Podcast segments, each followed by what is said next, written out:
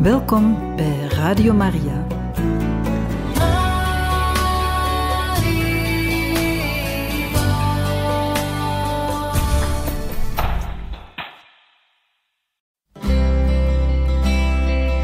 Welkom bij Boekat, een programma van Radio Maria.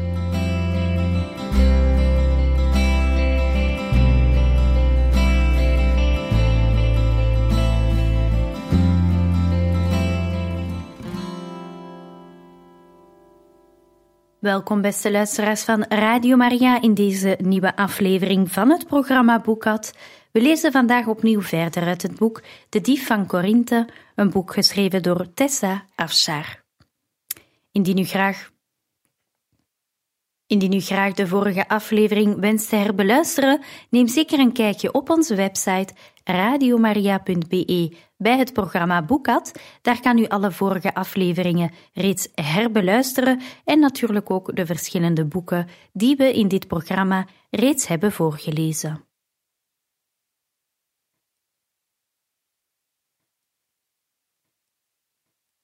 We bleven tot laat in de nacht zitten praten.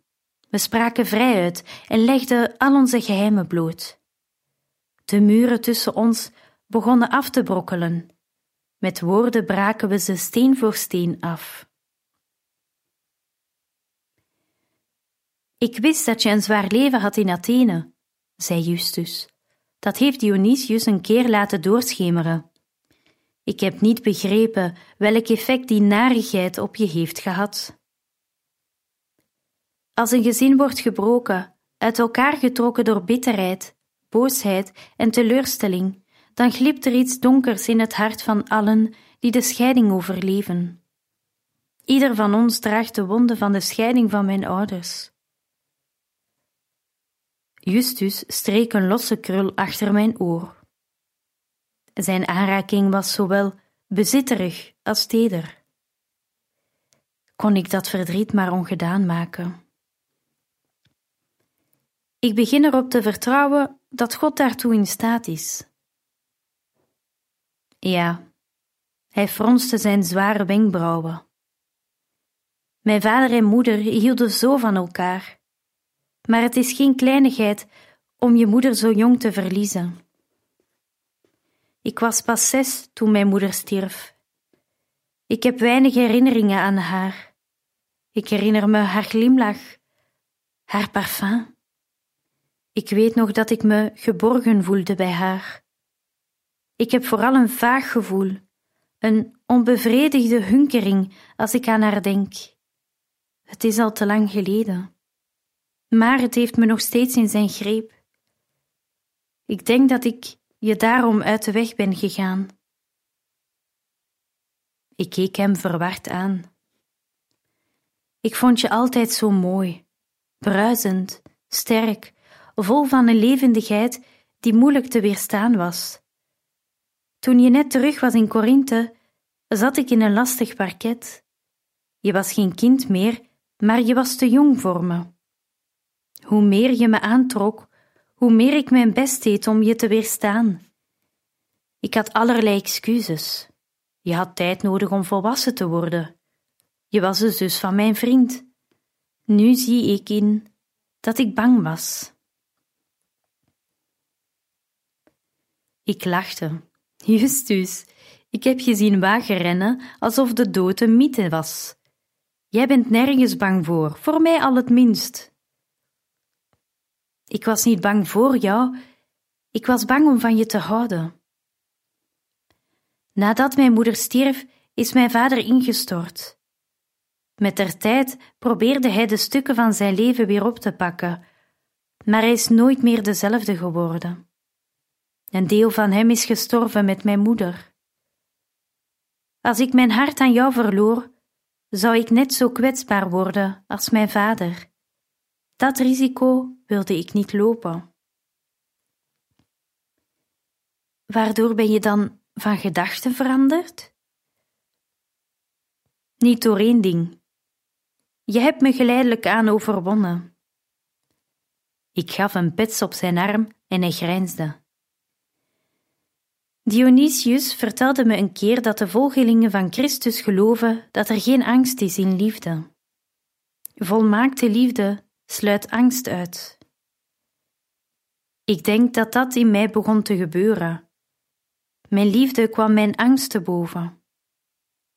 Hij haalde zijn schouders op. Eerst moest ik een onbegaanbare hindernis nemen. Weet je nog die avond dat Theo je die armband gaf? Hij wees op de gouden band die ik nog steeds om mijn pols droeg. Ja, die avond wist ik dat Theo verliefd op je was. Mijn adem stokte. Wist je dat?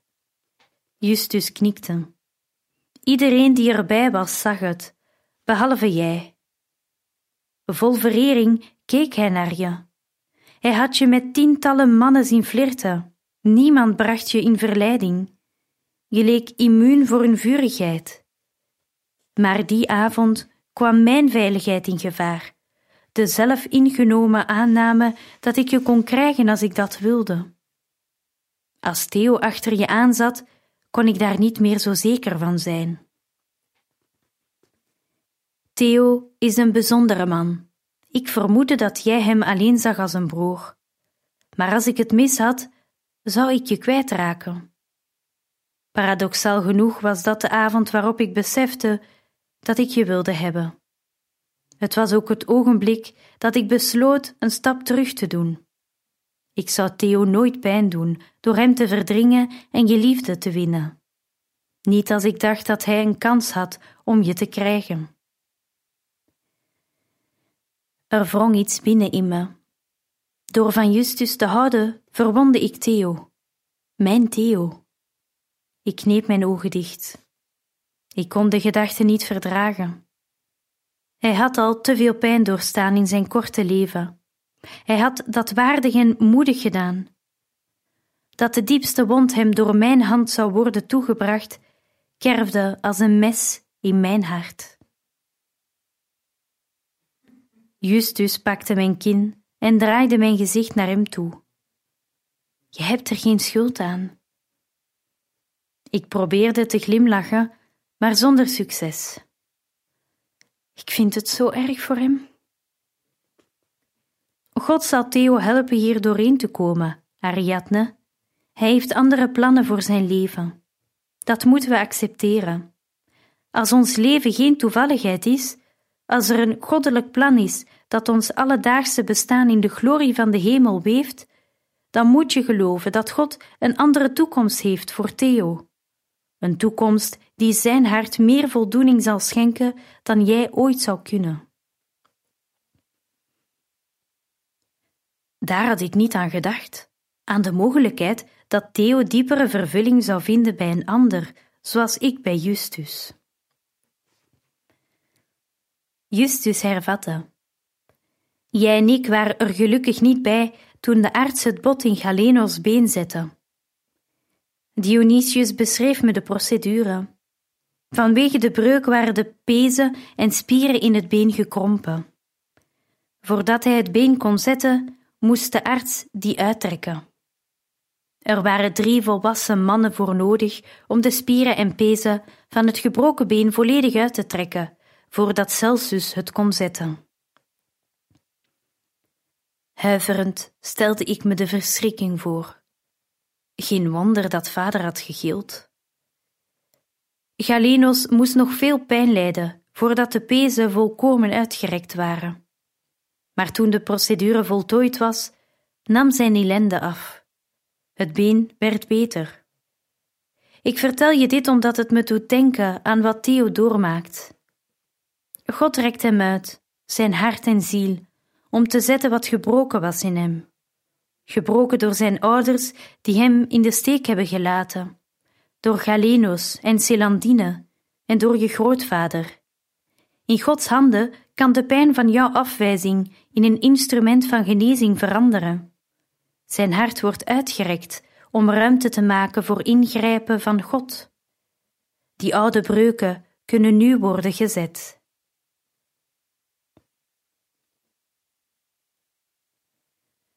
We verzonken in stilte. Was het waar? kon God gebroken dromen gebruiken als middel om Theo's verbrijzelde hart te helpen? Kon hij pijn genezen met pijn? Je bent uitgeput, kom, zei Justus. Ik breng je naar je kamer. Ik dacht aan een vraag die ik al eerder had willen stellen. Meteen veranderde mijn stemming. Paulus heeft ook iets tegen jou gezegd. Toch? Hij bloosde. Ik hoopte dat je het niet gehoord had. Ik heb het wel gehoord. De liefde is niet jaloers.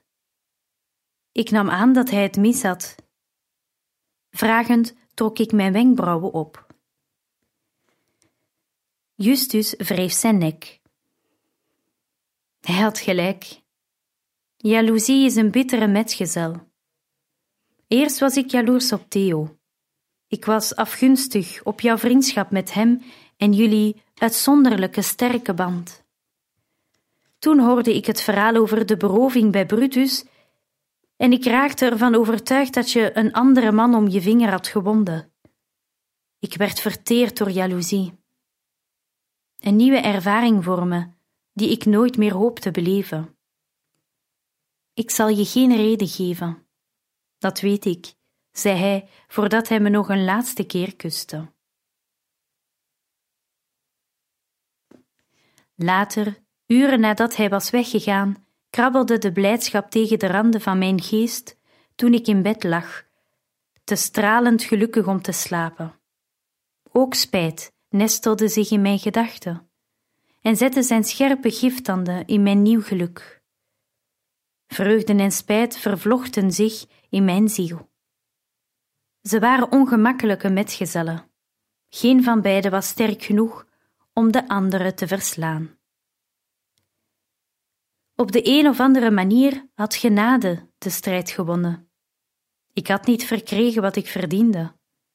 Ik wist gewoon dat ik geliefd was, terwijl ik het verdiende om versmaad te worden.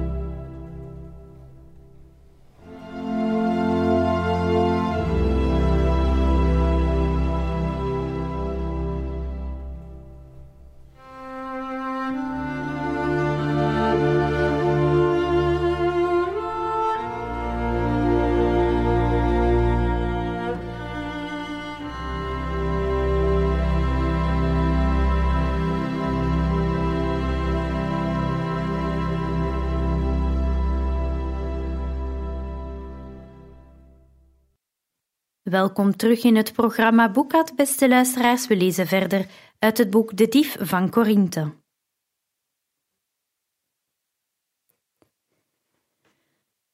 De volgende ochtend bekenden Justus en ik Vader onze liefde en ontvingen we zijn overvloedige zegen.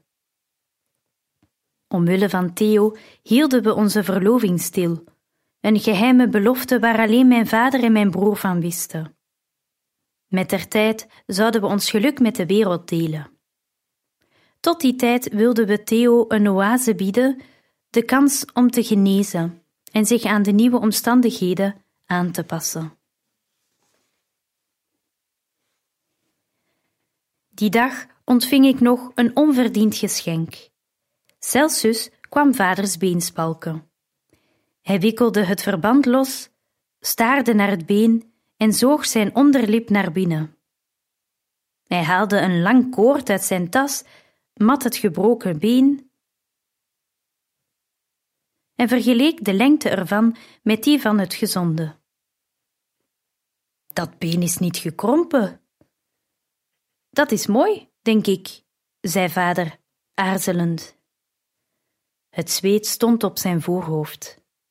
Het verschonen van het verband bezorgde hem nog steeds veel pijn. De arts stak een hand uit. Het is wonderbaarlijk. Ik kan het niet verklaren. Hij klonk buiten adem, alsof hij de marathon had gelopen. Die verwonding had een verkorting van het been moeten veroorzaken, met blijvende kreupelheid als gevolg. De wereld om me heen kwam abrupt tot stilstand. Ik sloeg mijn trillende hand voor mijn mond. Dit had God gedaan. Dit wonder dat een arrogante arts met zijn mond vol tanden deed staan van verbazing. Ik zette een paar onzekere stappen en zonk naast vader neer op het bed. Zoals de profeet Elisa eens tegen een bezorgde koning zei: Dit is in de ogen van de Heer een kleinigheid. Toen Paulus die woorden had uitgesproken, had ik ze niet kunnen begrijpen. De verwondering, noch de hoop die ze bevatten. Het is een kleinigheid in de ogen van de Heer om artsen versteld te laten staan en verminkte te genezen. Ik was jong in mijn geloof, maar net als het been van mijn vader groeide ik in de juiste proporties. Celsus trok een borstelige grijze wenkbrauw op. Welke Heer is dat? De God van hemel en aarde, de ene die u heeft geschapen. Hij heeft mijn vaders been hersteld, en al had hij dat niet gedaan, dan was hij nog steeds God. Vader lachte breed. Wees maar niet bang, Celsus. Ik zal niet klagen nu je medische onheilvoorspellingen niet blijken te kloppen.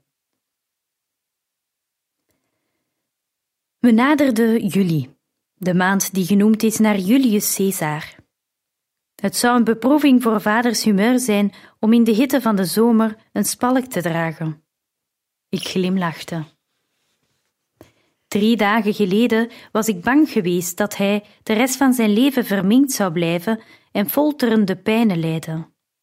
Nu leek ik me alleen maar zorgen te maken over het ongemak van een dik verband en een spalk, nu het warm was. Dat was niet helemaal waar. We zaten nog steeds met onze schulden. Bovenop onze normale uitgaven kwam het buitensporige tarief van de arts. Deze moeilijkheden, die een week geleden verpletterend waren, vervaagden nu naar de achtergrond. Als het moest, zouden we ons huis verkopen, ons land, naar een kleiner huis verhuizen. Niets daarvan was een te hoge prijs voor vrede, voor mijn vaders gezondheid, voor Gods goedkeuring. Die middag vertelde vader me dat Theo naar Efeze was vertrokken. Het maakte me bedroefd dat hij niet de moeite had genomen om afscheid van me te nemen. Ik vroeg me af hoe lang het zou duren voordat hij zich genoeg op zijn gemak zou voelen om in mijn buurt te zijn. Hoeveel keren afscheid zou ik missen? Hoeveel begroetingen? Ik vroeg God zijn hart te helen met dezelfde precisie als hij voor vaders been had gebruikt. Heeft Justus hem gestuurd? vroeg ik met een gefronst voorhoofd. Hij had er niets over gezegd. Nee, ik, voor zaken. Zaken? Vader wreef in zijn handen. Ik ga zeephandelaar worden. Zeephandelaren bestaan niet. Ik boog me over vaders kelk met wijn, die Celsius versterkt had met zijn eigen tinctuur. Hoeveel heb je van dat drankje gedronken? Hij ging niet op mijn schimpscheut in. Ik heb het met Justus en Theo besproken. Ze zijn het erover eens dat mijn idee kan slagen. Eerst gaan we het verkopen als haarpomade. Zoiets hebben ze niet in Rome. Doeltreffend, handig, geurig. Hij telde op zijn vingers. Het wordt de boezemvriend van elke vrouw. Theo en ik zijn partners geworden. We hebben afgesproken dat we bescheiden beginnen. We hopen begin volgend jaar uit te breiden. Zo, je hebt een nieuw beroep uitgevonden. Ik wikkelde een streng haar om mijn pols. Ik kan het spul maar beter gaan gebruiken als we zeephandelaars gaan worden. Vader vlocht zijn vingers in elkaar en legde zijn handen op zijn buik. Theo en ik geven je familiekorting. Je hebt een heleboel haar. Je hebt waarschijnlijk twee ballen zeep per wasbeurt nodig. Ik hoop dat je van plan bent met een rijke man te trouwen. Ik zal mijn best doen, alles om jouw zeep te kunnen betalen. Toen kon ik mijn lach niet langer inhouden en schaterde het uit. God heeft onze zonde weggewassen en ons gereinigd van onze overtredingen. Dan is het alleen maar juist dat wij de wereld gaan helpen om schoon te worden, in elk geval uiterlijk. Ik dacht dat het leven geen verrassingen meer voor mij had. We hadden het ergste doorstaan en met Gods hulp waren we er verlost uitgekomen, completer dan eerst. Ik had kunnen weten dat God nog niet helemaal klaar was met ons herstel. Ik had moeten beseffen dat de God die pijn gebruikte om pijn te genezen, er niet voor zou terugdeinzen om nog meer tegenspoed in ons leven toe te staan.